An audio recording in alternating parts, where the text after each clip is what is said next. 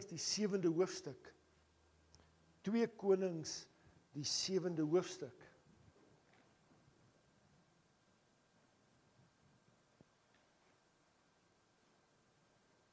Twee Konings die 7de hoofstuk.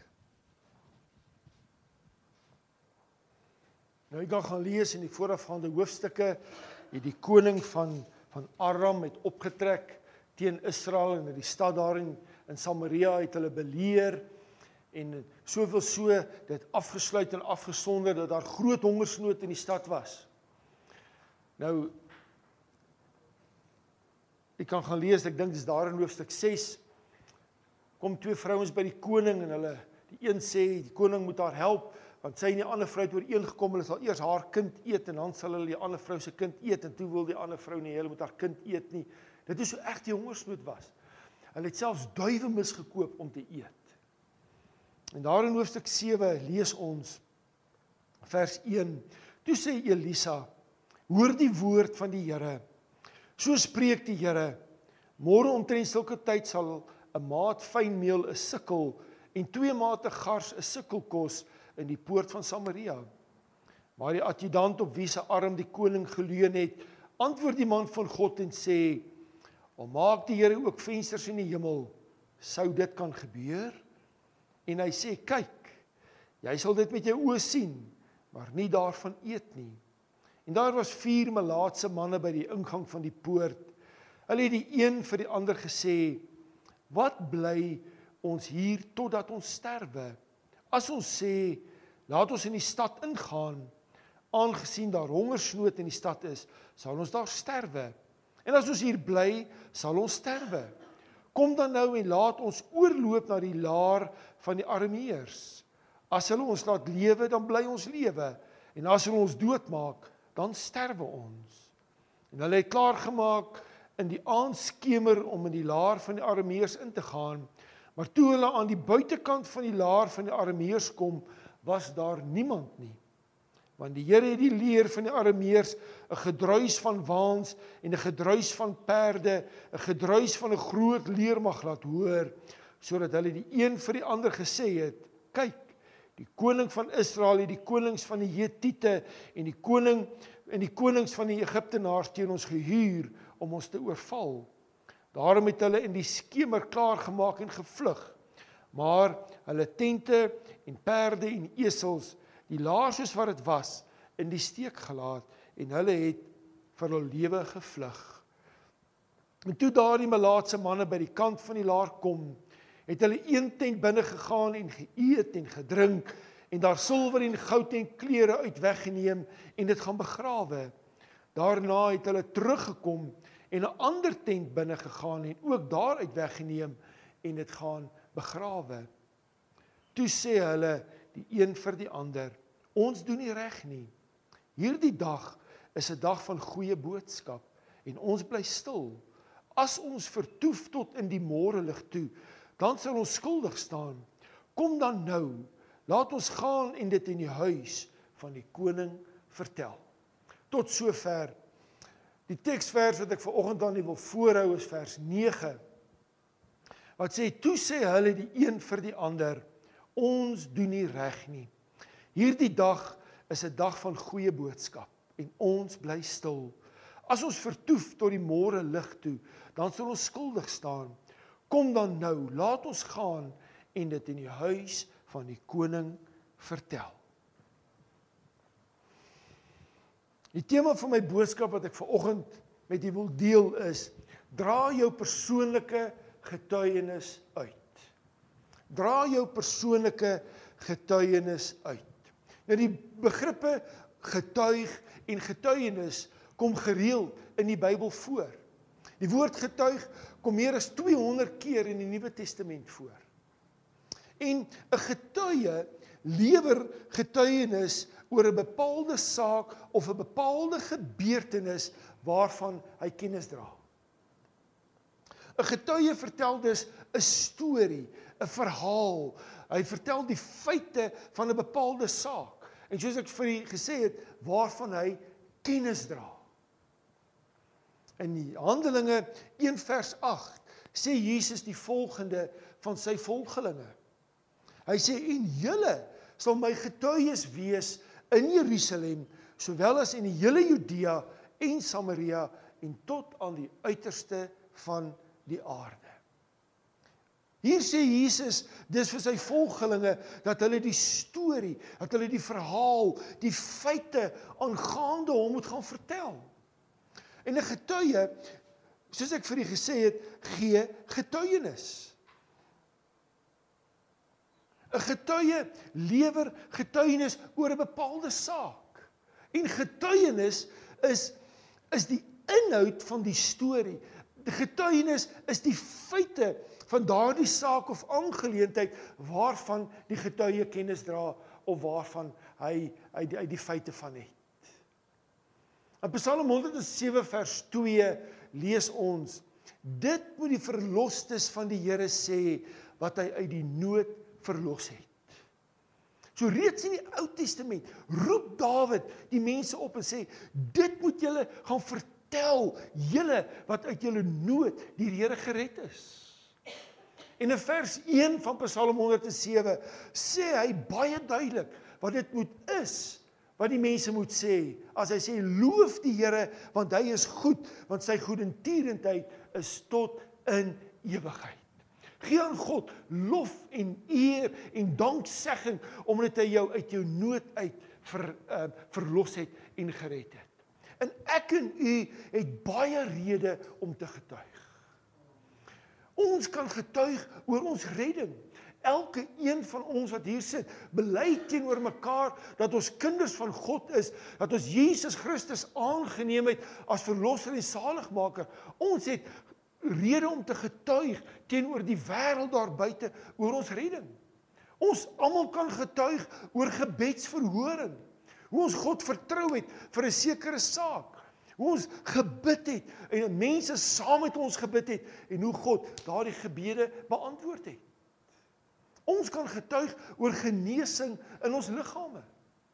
En as ek ver oggend geleentheid gee, is ek my hart oortuig dat elke een wat hier sit kan opstaan en sê ek was op 'n stadium siek of ek het iets in my liggaam gehad en die Here het ingegryp en ek is genees en herstel.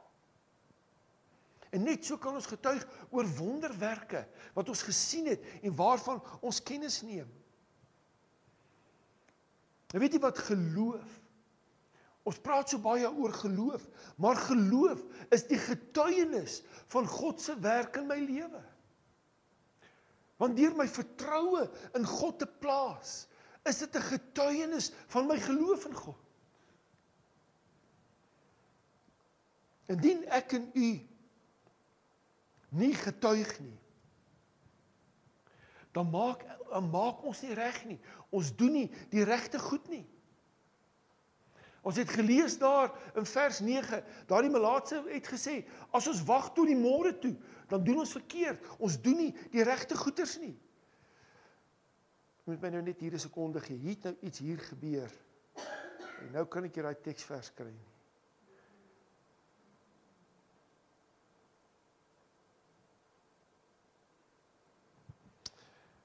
In 2 Konings 7 vers 9 sê hy ons doen nie reg nie.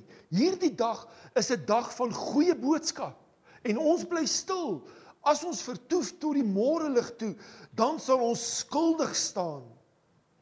Kom dan nou laat ons gaan en dit in die huis van die koning vertel. Ek en nie het so baie om te vertel vir 'n wêreld daar buite. Die mense wat saam met jou werk, mense wat nie die Here dien nie. Jy het so baie om te vertel oor die goedheid, die redding en die verlossing van God. En dit deur dit nie met ongeredde mense te deel nie, deur dit nie met die heidene te deel nie, doen ek en u nie reg nie. Maar kom ons gaan kyk eerstens waaruit bestaan 'n getuienis? In 1 Johannes 1 vers 1 tot 4 lees ons duidelik waaruit 'n getuienis moet bestaan. En ek lees vir u uit die nuwe lewende vertaling. En Johannes skryf hier, hy sê die een wat van die heel wat die een wat van die heel begin af bestaan het is die een wat ons gehoor en met ons eie oë gesien het En ons het hom aandagtig waargeneem en hom met ons hande aangeraak. Dit gaan oor die woord wat lewe gee. Die lewe het sigbaar verskyn en ons het dit gesien en getuig daarvan en deel dit aan julle mee. Dit is die ewige lewe wat by die Vader was, maar nou aan ons bekend gemaak is.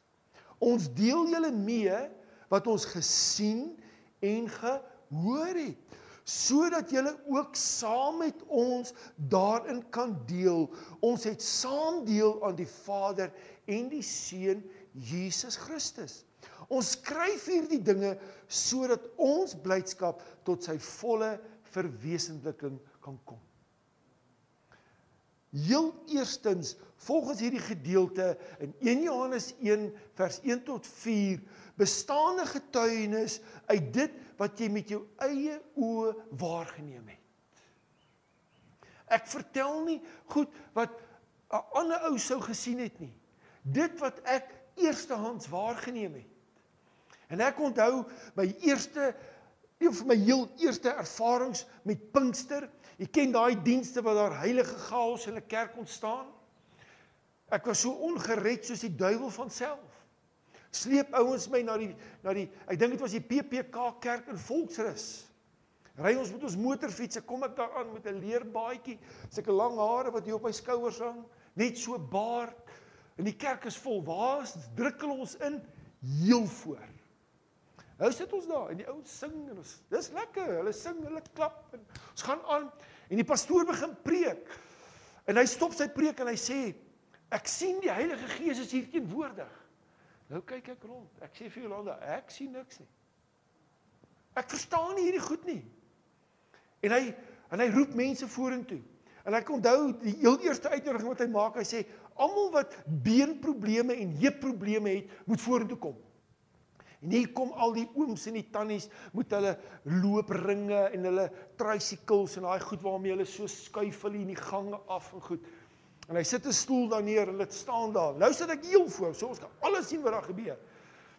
En hier voor my laat hy 'n tannie op 'n stoel sit en hy tel haar bene so op. En haar een been is letterlik omtrent 30 cm korter as die ander been. En hy sê vir haar tannie sê Jesus leef. En sy sê Jesus leef en joek groei daai been maar ek skrik. En hy en sy staan op en daar loop sy. Sy spring en sy huppel.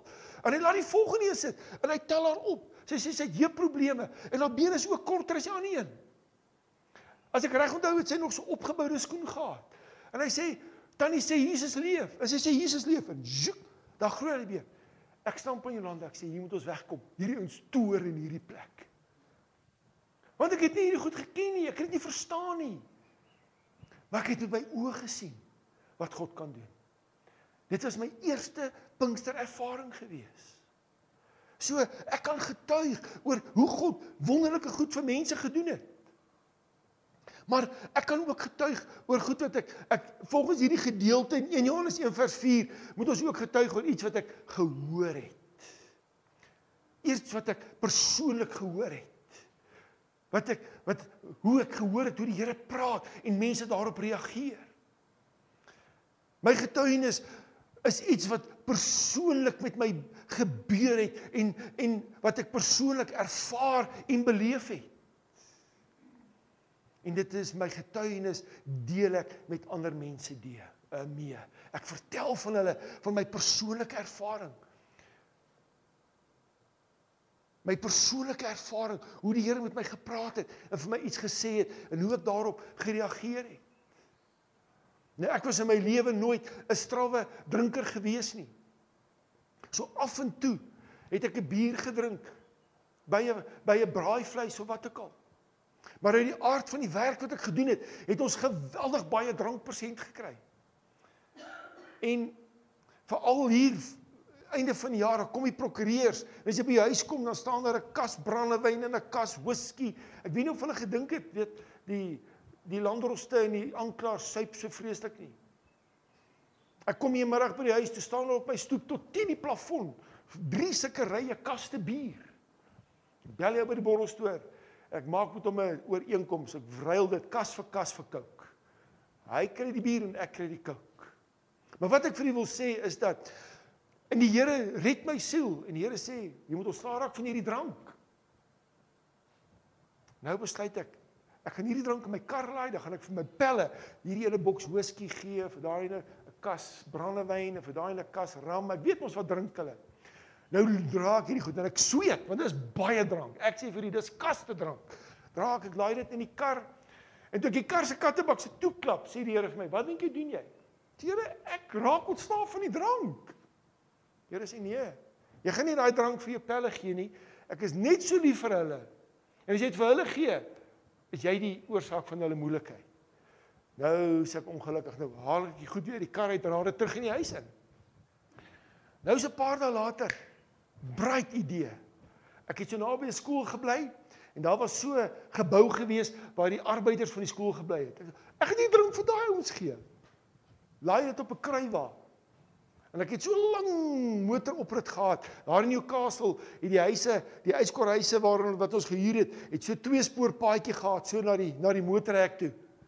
Nou laai ek goed op die kruiwa en is seker so 25 meter en ek het daai kruiwa met hierdie klomp drank op.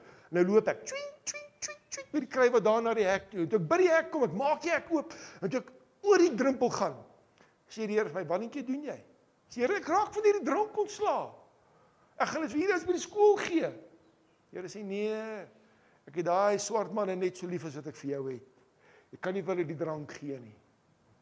Nou sê ek, Here, ek verstaan nie. U sê ek moet van die goed ontslaa raak en elke keer as ek iets wil doen dan steek jy 'n speek in die wiele. As ek terug met die drank in die huis in.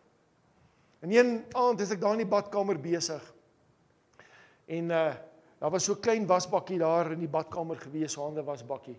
En terwyl ek daar besig is, hoor ek duidelik die stem van die Here sê vir my: "As jy nie nou daai drank uitgooi nie, sal jy nooit van drank verlos word nie." En ek roep Jolanda, ek sê: "Bring vir my daar 'n bottel." Sy sê: "Sy mal, gaan jy nou daar in die badkamer sit en suip?" Ek sê: "Bring daai goed hier." En ek breek dit en ek gooi kas na kas. Gooi ek daai whisky en brandewyn en rum en bier. Dit skuim later so in daai wasbak, jy kan dit nie glo nie. En ten spyte daarvan dat ek nooit 'n ewige drinker was nie, kry ek 'n walging as ek daai goed ruik. En nog nooit weer het ek 'n lus gehad vir 'n bier of wat ook al nie. Want ek het gedoen wat die Here gesê het. So jy moet reageer. As die Here vir jou sê raak ontslaaf van goed uit jou lewe uit, doen dit. En moet dit nie altyd by ander ouens gaan aflaai nie, want dit is nie altyd die regte ding om te doen nie. So ek kan vir u getuig want dit is iets wat ek persoonlik ervaar en beleef het. En omrede jy hierdie goeie self gesien het, dit self gehoor het, dit self ervaar het, dit self beleef het, weet jy presies wat was die omstandighede voor die tyd en kan jy ook vir mense vertel hoe dit is na die tyd. En dis die wonderlike ding van jou getuienis. En waaroor kan 'n mens nou getuig? Oor watter dinge moet ek en jy getuig? Die heel eerste ding en die belangrikste en mees kosbaarste getuienis wat ek en u het, is die redding van ons siele. Daardie dag toe die Heilige Gees jou oortuig het van sonde, van oordeel en God se geregtigheid. Maar terselfdertyd die Heilige Gees jou oortuig het van redding en verlossing en God se genade en jy daar uit miskien op 'n uitnodiging gereageer het en by die altaar gaan kniel het en die Here Jesus aangeneem het as verlosser en saligmaker. Jy kan vir mense vertel daarvan. Ons kan getuig oor gebedsverhoring. En ek kan vir die honderde, ek wil amper sê duisende getuienisse bring en lewer van gebedsverhoring in my eie persoonlike lewe. Ons kan getuig van genesings en wonderwerke wat gebeur. Ons kan getuig oor hoe God vir ons voorsien het op finansiële en op materiële gebied. Ons kan getuig van die werk van God in ons lewens. Ons kan getuig hoe God gebroke verhoudinge herstel het. Miskien 'n gebroke huweliksverhouding. 'n Verhouding van tussen vriende, tussen broers, tussen 'n pa en 'n seun wat wat wat wat skade gelei het, wat skibreek gelei het in hoe God dit herstel het omdat iemand begin bid het vir hierdie vir die herstel van hierdie verhouding. Ek en u kan moet vir 'n verlore gaande wêreld gaan vertel oor hierdie goed wat ons ervaar en beleef het.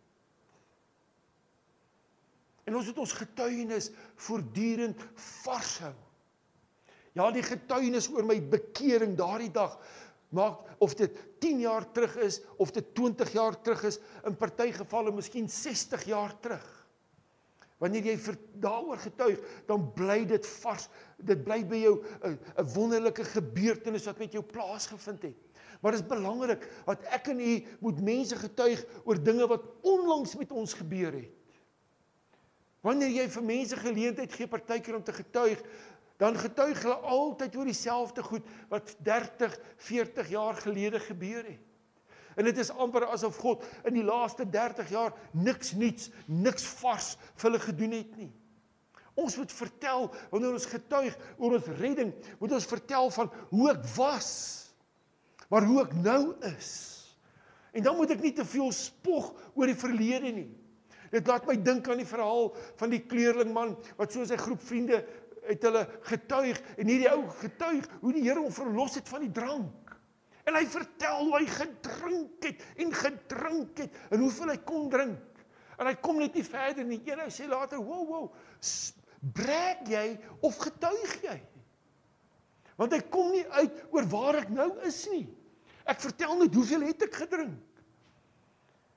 Die mense hoef nie al daardie vuil, vieslike detail van die verlede te weet nie lig hulle net en sê dit is wat ek gedoen het. Dis waar ek betrokke was en toe het God ingegryp en dit is hoe dit nou is. En ons fokus op die wonderlike, op die positiewe, op die verandering, op die werk van God in my lewe. Want dit is wat mense nader trek aan God. Dis belangrik, soos ek vir julle sê, dat ons ons getuienis moet varshou. Die verhaal word vertel van die oom wat daar beplaas gebly het. Kom die pastoor met huisbesoek. En die oom is so heilig as die pastoor daar kom. En hulle sit en hy het sy Bybel en hy lees en hy gaan dan en hy sê vir sy vir die vrou want is 'n nuwe pastoor wat ook daar in die gemeente is, so hy leer die mense ken en hy sê vir sy vrou: "Vrou, gaan bietjie my getuienis daar uit die kas uit." En die tannie kom met 'n papier en die oom het sy getuienis daar neergeskryf. En hy lees vir die pastoor sy getuienis van sy lewe tot waar hy is. En so pastoor is daar weg en hy's baie beïndruk met die oom wat so wonderlike getuienis het. En so 6 maande later gaan doen die pastoor weer huis besoek en toe hy daar kom, is dit maar dieselfde ritueel en dieselfde proses en die oom strook sy bors uit en hy sê vir die tannie vrou, "Haal 'n bietjie my getuienis daar uit die kas uit." En hier kom sy in die sitkamer ingestap met so flenter papier. Toe die muise sy getuienis opgevreet. Moenie toelaat dat die muise jou getuienis opvreet nie. Hou jou getuienis altyd vars. Vars deur die salwing van die Heilige Gees. Vars met die wonderlike nuwe dinge wat God vir jou gedoen het. Ons het ook nie ons getuienis opblaas of afwater of verloor nie. In Handelinge 4 vers 7 lees ons die volgende. En toe hulle voor en toe hulle hul voorgebring het, vra hulle Deur watter mag en deur watter naam het julle dit gedoen? Nou dit is nou net nadat Petrus en Johannes die verlamde man daar by die tempel genees het. En daarop sê Petrus, vervul met die Heilige Gees aan hulle, owerstes van die volk en ouderlinge van Israel. As ons vandag ondervra word oor 'n weldaad aan 'n siek man, waardeur hy gesond geword het. Laat dit bekend wees aan julle almal en aan die hele volk van Israel dat deur die naam van Jesus Christus die Nasareëner wat julle gekruisig het, maar wat God uit die dode opgewek het, dat deur hom hierdie man gesond voor julle staan. Hy is die steen wat deur julle die bouers verag is, wat 'n hoeksteen geword het. Petrus het nie hier 'n groot bohaai gemaak en gesê ja, weet jy, ek en Johannes het nou dit gedoen en dit gedoen en hulle self opgehef en self opgehemel voor die owerstes van die volk nie. Hulle het net die feite weergegee presies soos wat dit gebeur het. Hulle het presies vertel. Hulle kon ook dit afgewater het omdat hulle bang was dalk dat hulle gestraf kon word deur die owerstes van die volk.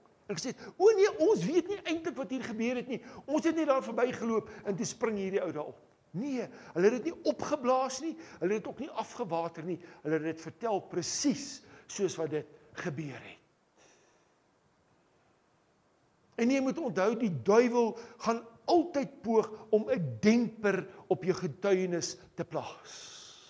Want die duiwel wil nie hê mense moet hoor van God se goedheid, van God se redding, van God se verlossing, van God se genade nie. In Handelinge 4 vers 18 lees ons verder nadat Petrus en Johannes daar voor die owerstes verskyn het, lees ons hulle sê en hulle het hulle geroep en bevel gegee om in die geheel nie in die naam van Jesus te spreek of te leer nie. Want die duiwel het geweet as die volk van hierdie goed hoor, gaan dit heilige chaos daar in Jerusalem veroorsaak. En soms kan jy ly of swaar kry as gevolg van jou getuienis. Jy gaan die wind van voor kry. Jy gaan moeilikheid kry.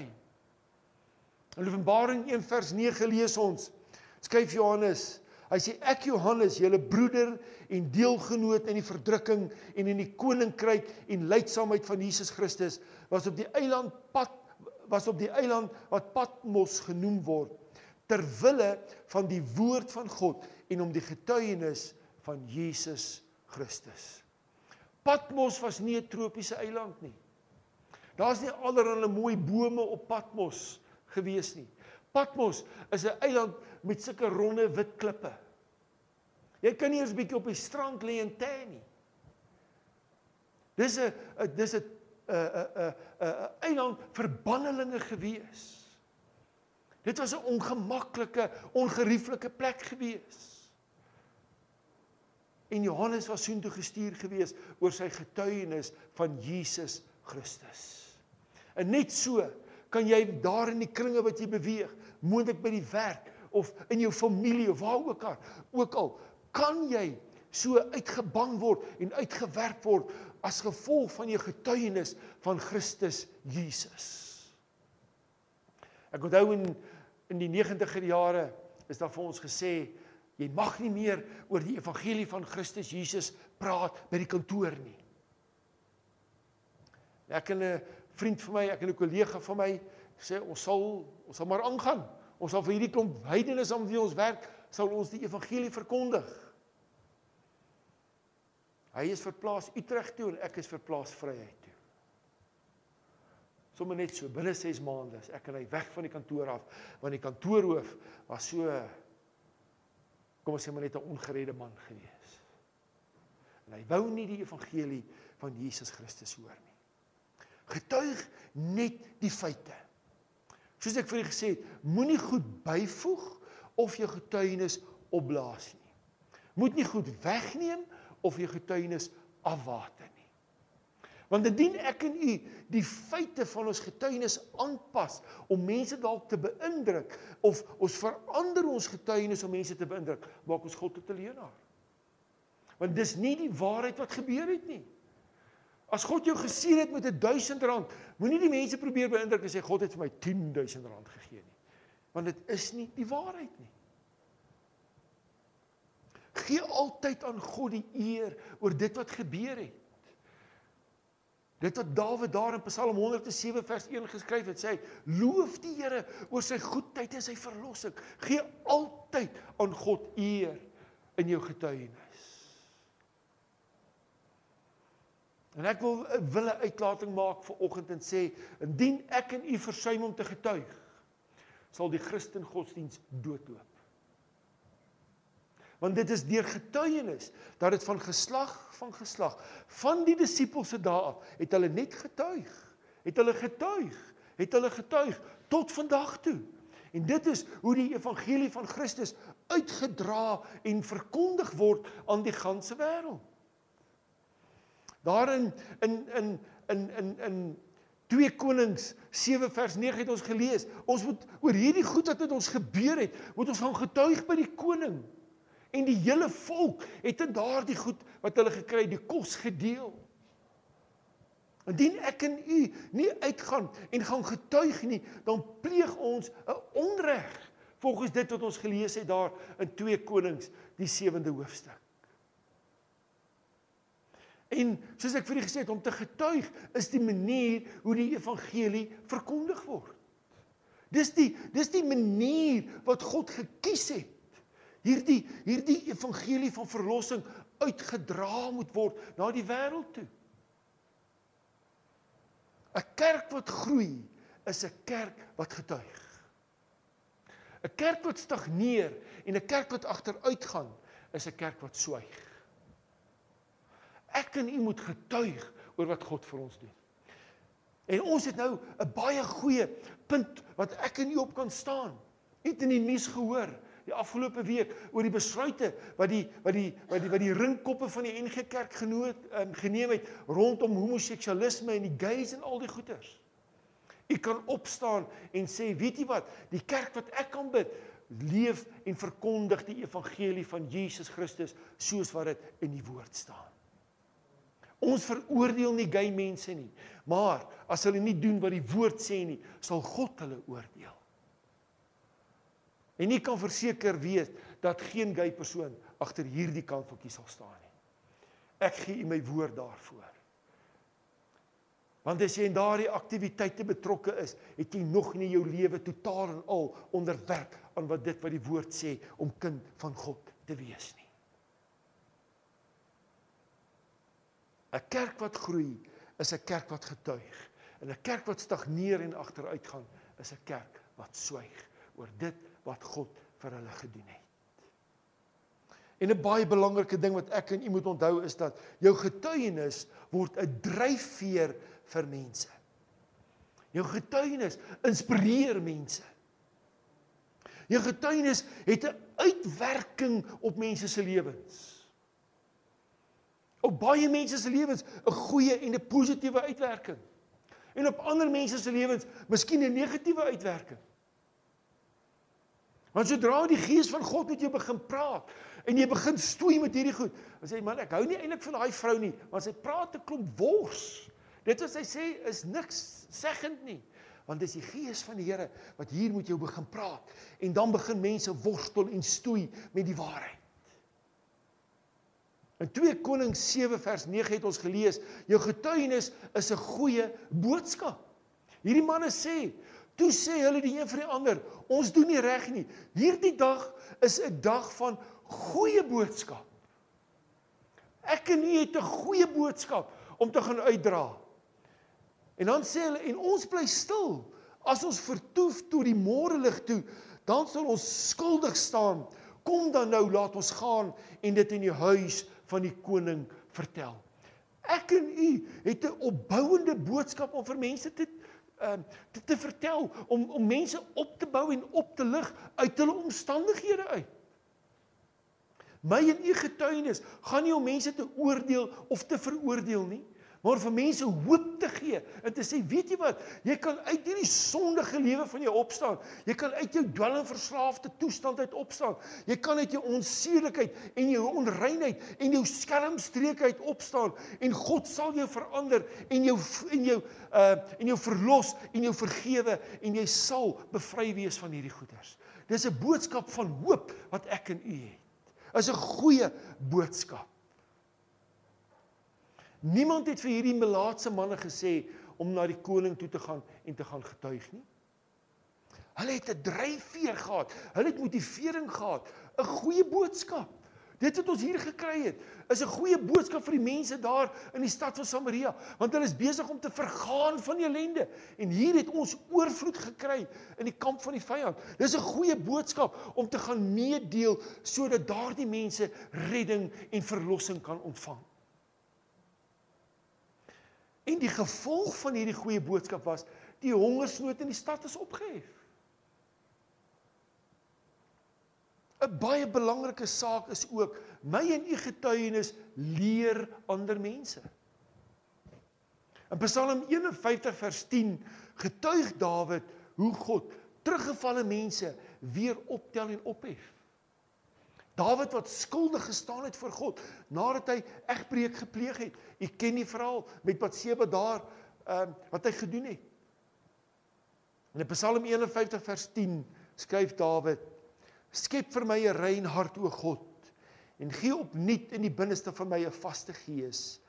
Verwerp my nie van die aangesig nie en neem die Heilige Gees nie van my weg nie. Gee my weer die vreugde van die heil en ondersteun my deur 'n gewillige gees. Ek wil die oortreders u weer leer dat die sondaars hulle tot u kan bekeer. Dis wat ek gedoen het. Ek was verlore, maar nou het ek God gevind. Ek het ek het gehoor wat God sê, God het my so verander. Dieselfde kan met jou gebeur. Dan sê hy red my van bloedskuld oor God. God van my heil. Laat my tong u geregtigheid uitjubel. Here open my lippe dat my mond u lof kan verkondig. Jy kan mense leer deur jou getuienis sonder dat jy 'n groot preek hoef voor te berei of enigiets deur net spontaan vir mense die waarheid te vertel wat met jou gebeur het, kan iemand 'n kragtige getuienis ontvang en sê, "Weet jy wat, as dit vir hom of haar gewerk het, kan dit vir my ook werk." Wanneer ons teenoor mense getuig oor sonde en die vergifnis wat ons ontvang het, dan leer mense want mense is baie keer onkundig. Hulle dink dit is maar reg om so te leef. En baie keer wanneer ons teenoor mense getuig oor vergifnis van sonde, dan kry mense berou oor hulle eie sonde en neem hulle die Here Jesus aan. Maar jy moet baie versigtig wees en jou diskresie gebruik wanneer jy met mense getuig oor sonde waarvan God jou verlos het. Jy kan nie vir enige ou jou diepste goeters altyd gaan vertel nie. Jy moet baie versigtig wees en gebruik diskresie wanneer jy getuig oor die verlossing en die bevryding van sonde. Jou getuienis kan mense nuuskierig maak. Dit prikkel mense se nuuskierigheid en mense is van nature nuuskierige wesens. In Johannes 4 het ons die verhaal gelees ons die verhaal van Jesus wat daar by die Samaritaanse vrou kom by die fontein van Jakob daar in Samaria. En hierdie vrou was was 'n onseelike vrou gewees. Maar weet jy wat ten spyte van wie sy was en wat sy was, het God haar gered. En onmiddellik nadat sy sy sy gered is, onmiddellik nadat Jesus met haar gepraat het, gaan sy terug in die stad in en gaan vertel sy vir die mense wat met haar gebeur het. En sy gaan en ons lees daar in Johannes 4 vers 29, gaan sy en sy sê kom kyk, 'n man wat my alles vertel het wat ek gedoen het. Is hy nie miskien die Christus nie? En dit wat sy sê, maak die mense nuuskierig. Sy prikkel hulle.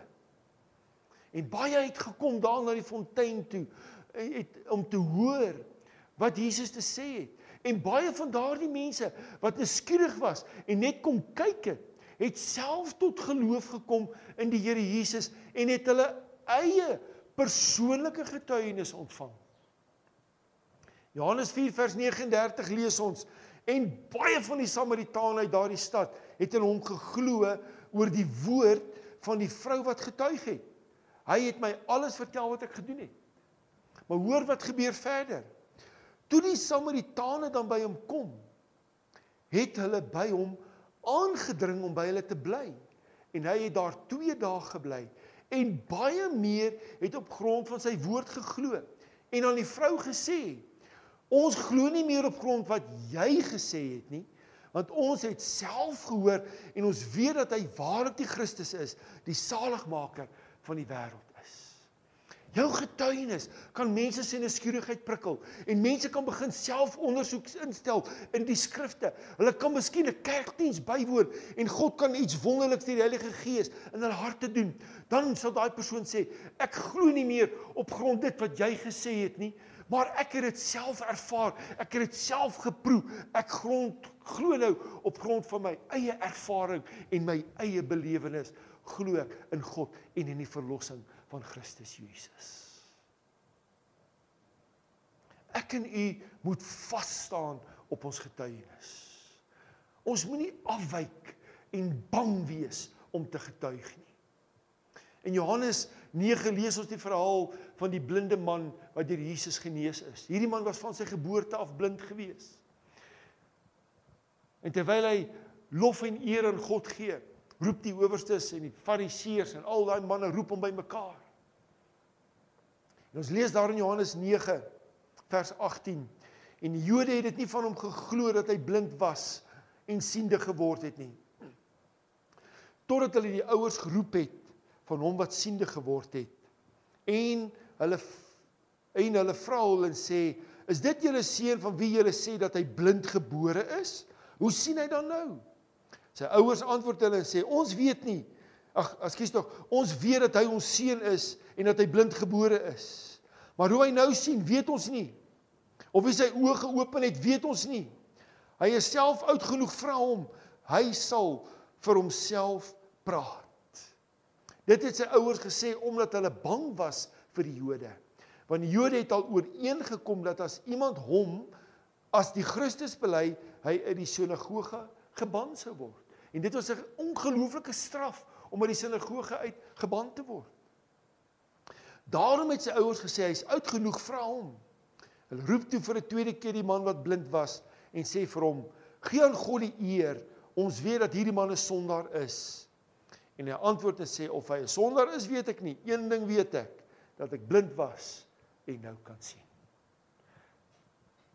Ander mense kan dalk wegskram van die waarheid van jou getuienis. Mense wat aandagtig luister en wat saam met jou sal loop. En wanneer hulle gekonfronteer word, sê hulle: "O nee, wag. Hier kom nou moeilikheid." Vra myself, weet ek luister maar net. Ek het niks hiermee te doen nie. En dan moet ons volhard in ons getuienis, net soos wat hierdie blinde man wat wat nou sien volhard het. As hy sê daar in Johannes 9 vers 25, of hy 'n sondaar is, dit weet ek nie. Een ding weet ek, dat ek blind was en nou sien. Een ding weet ek, ek was verlore. Ek was 'n sondaar. Ek was 'n gevangene van die vyand. Maar een ding weet ek nou, ek is gered en verlos en gedoop met die Heilige Gees. Dit is ons getuienis. En ons moenie wegskram van die wêreld af nie.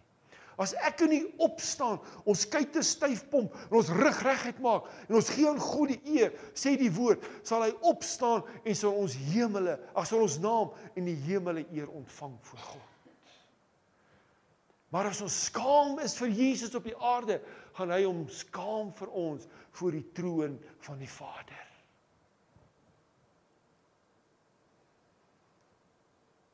My en u getuienis het 'n kragtige uitwerking op mense.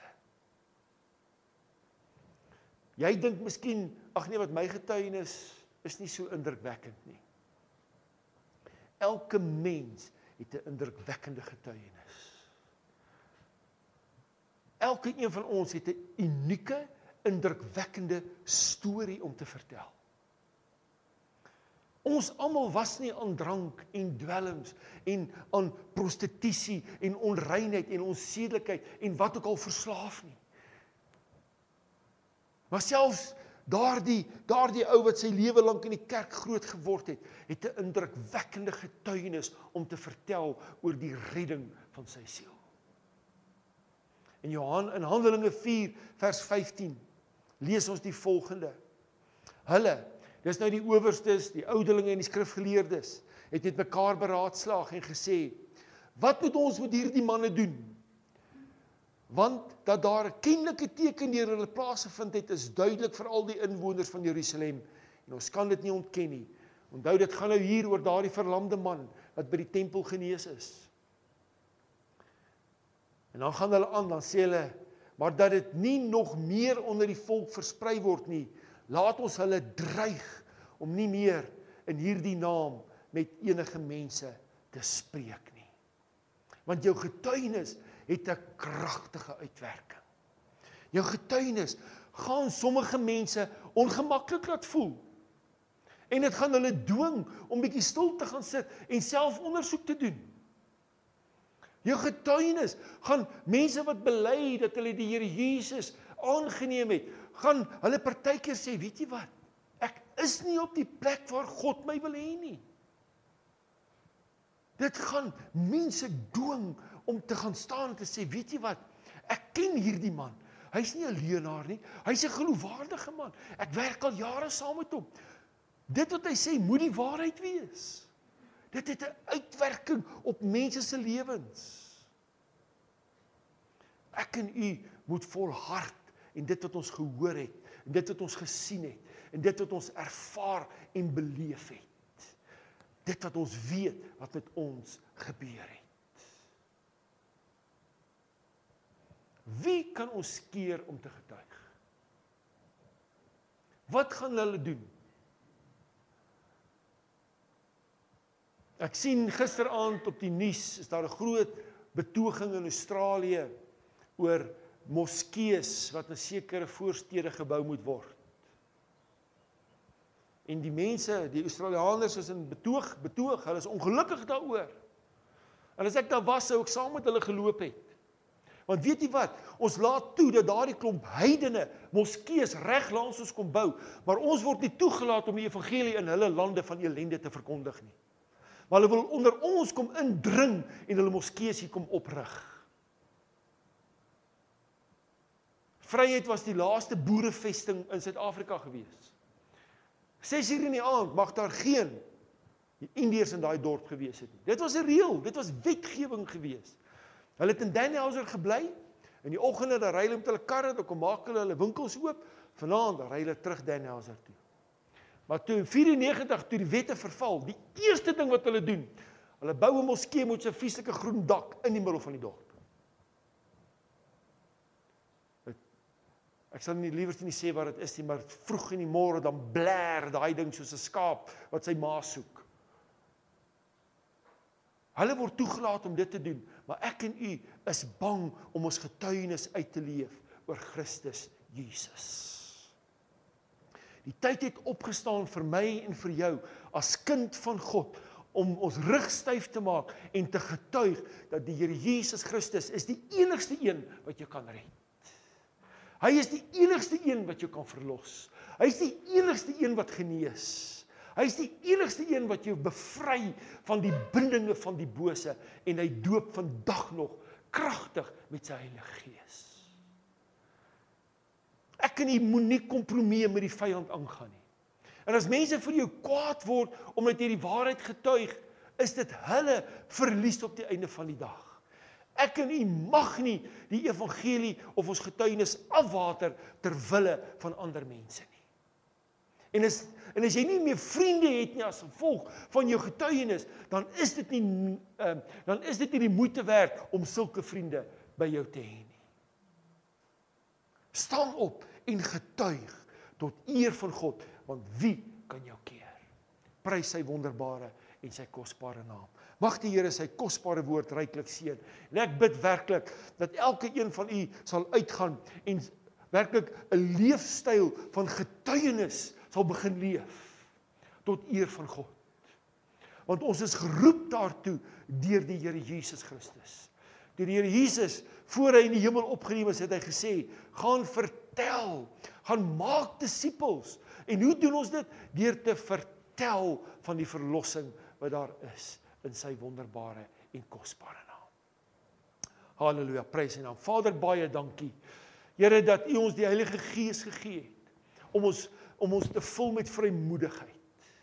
En ek wil bid, Here, dat U elke een van ons wat in hierdie plek is, Here, opnuut sal vul met vrymoedigheid deur die Heilige Gees om te gaan en te vertel dat Jesus red dat Jesus uh uh verlos, Jesus genees, Jesus doop nog met die Heilige Gees. Dat ons sal getuig oor die kruisboodskap van verlossing. Dat ons sal getuig, Here, oor u werke in ons lewens, in ons liggame, in ons families.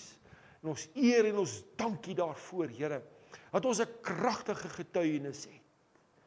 En ek bid, Here, dat ons met groot vrymoedigheid sal uitgaan en sal vertel van hierdie wonderlike dinge wat U vir ons gedoen het.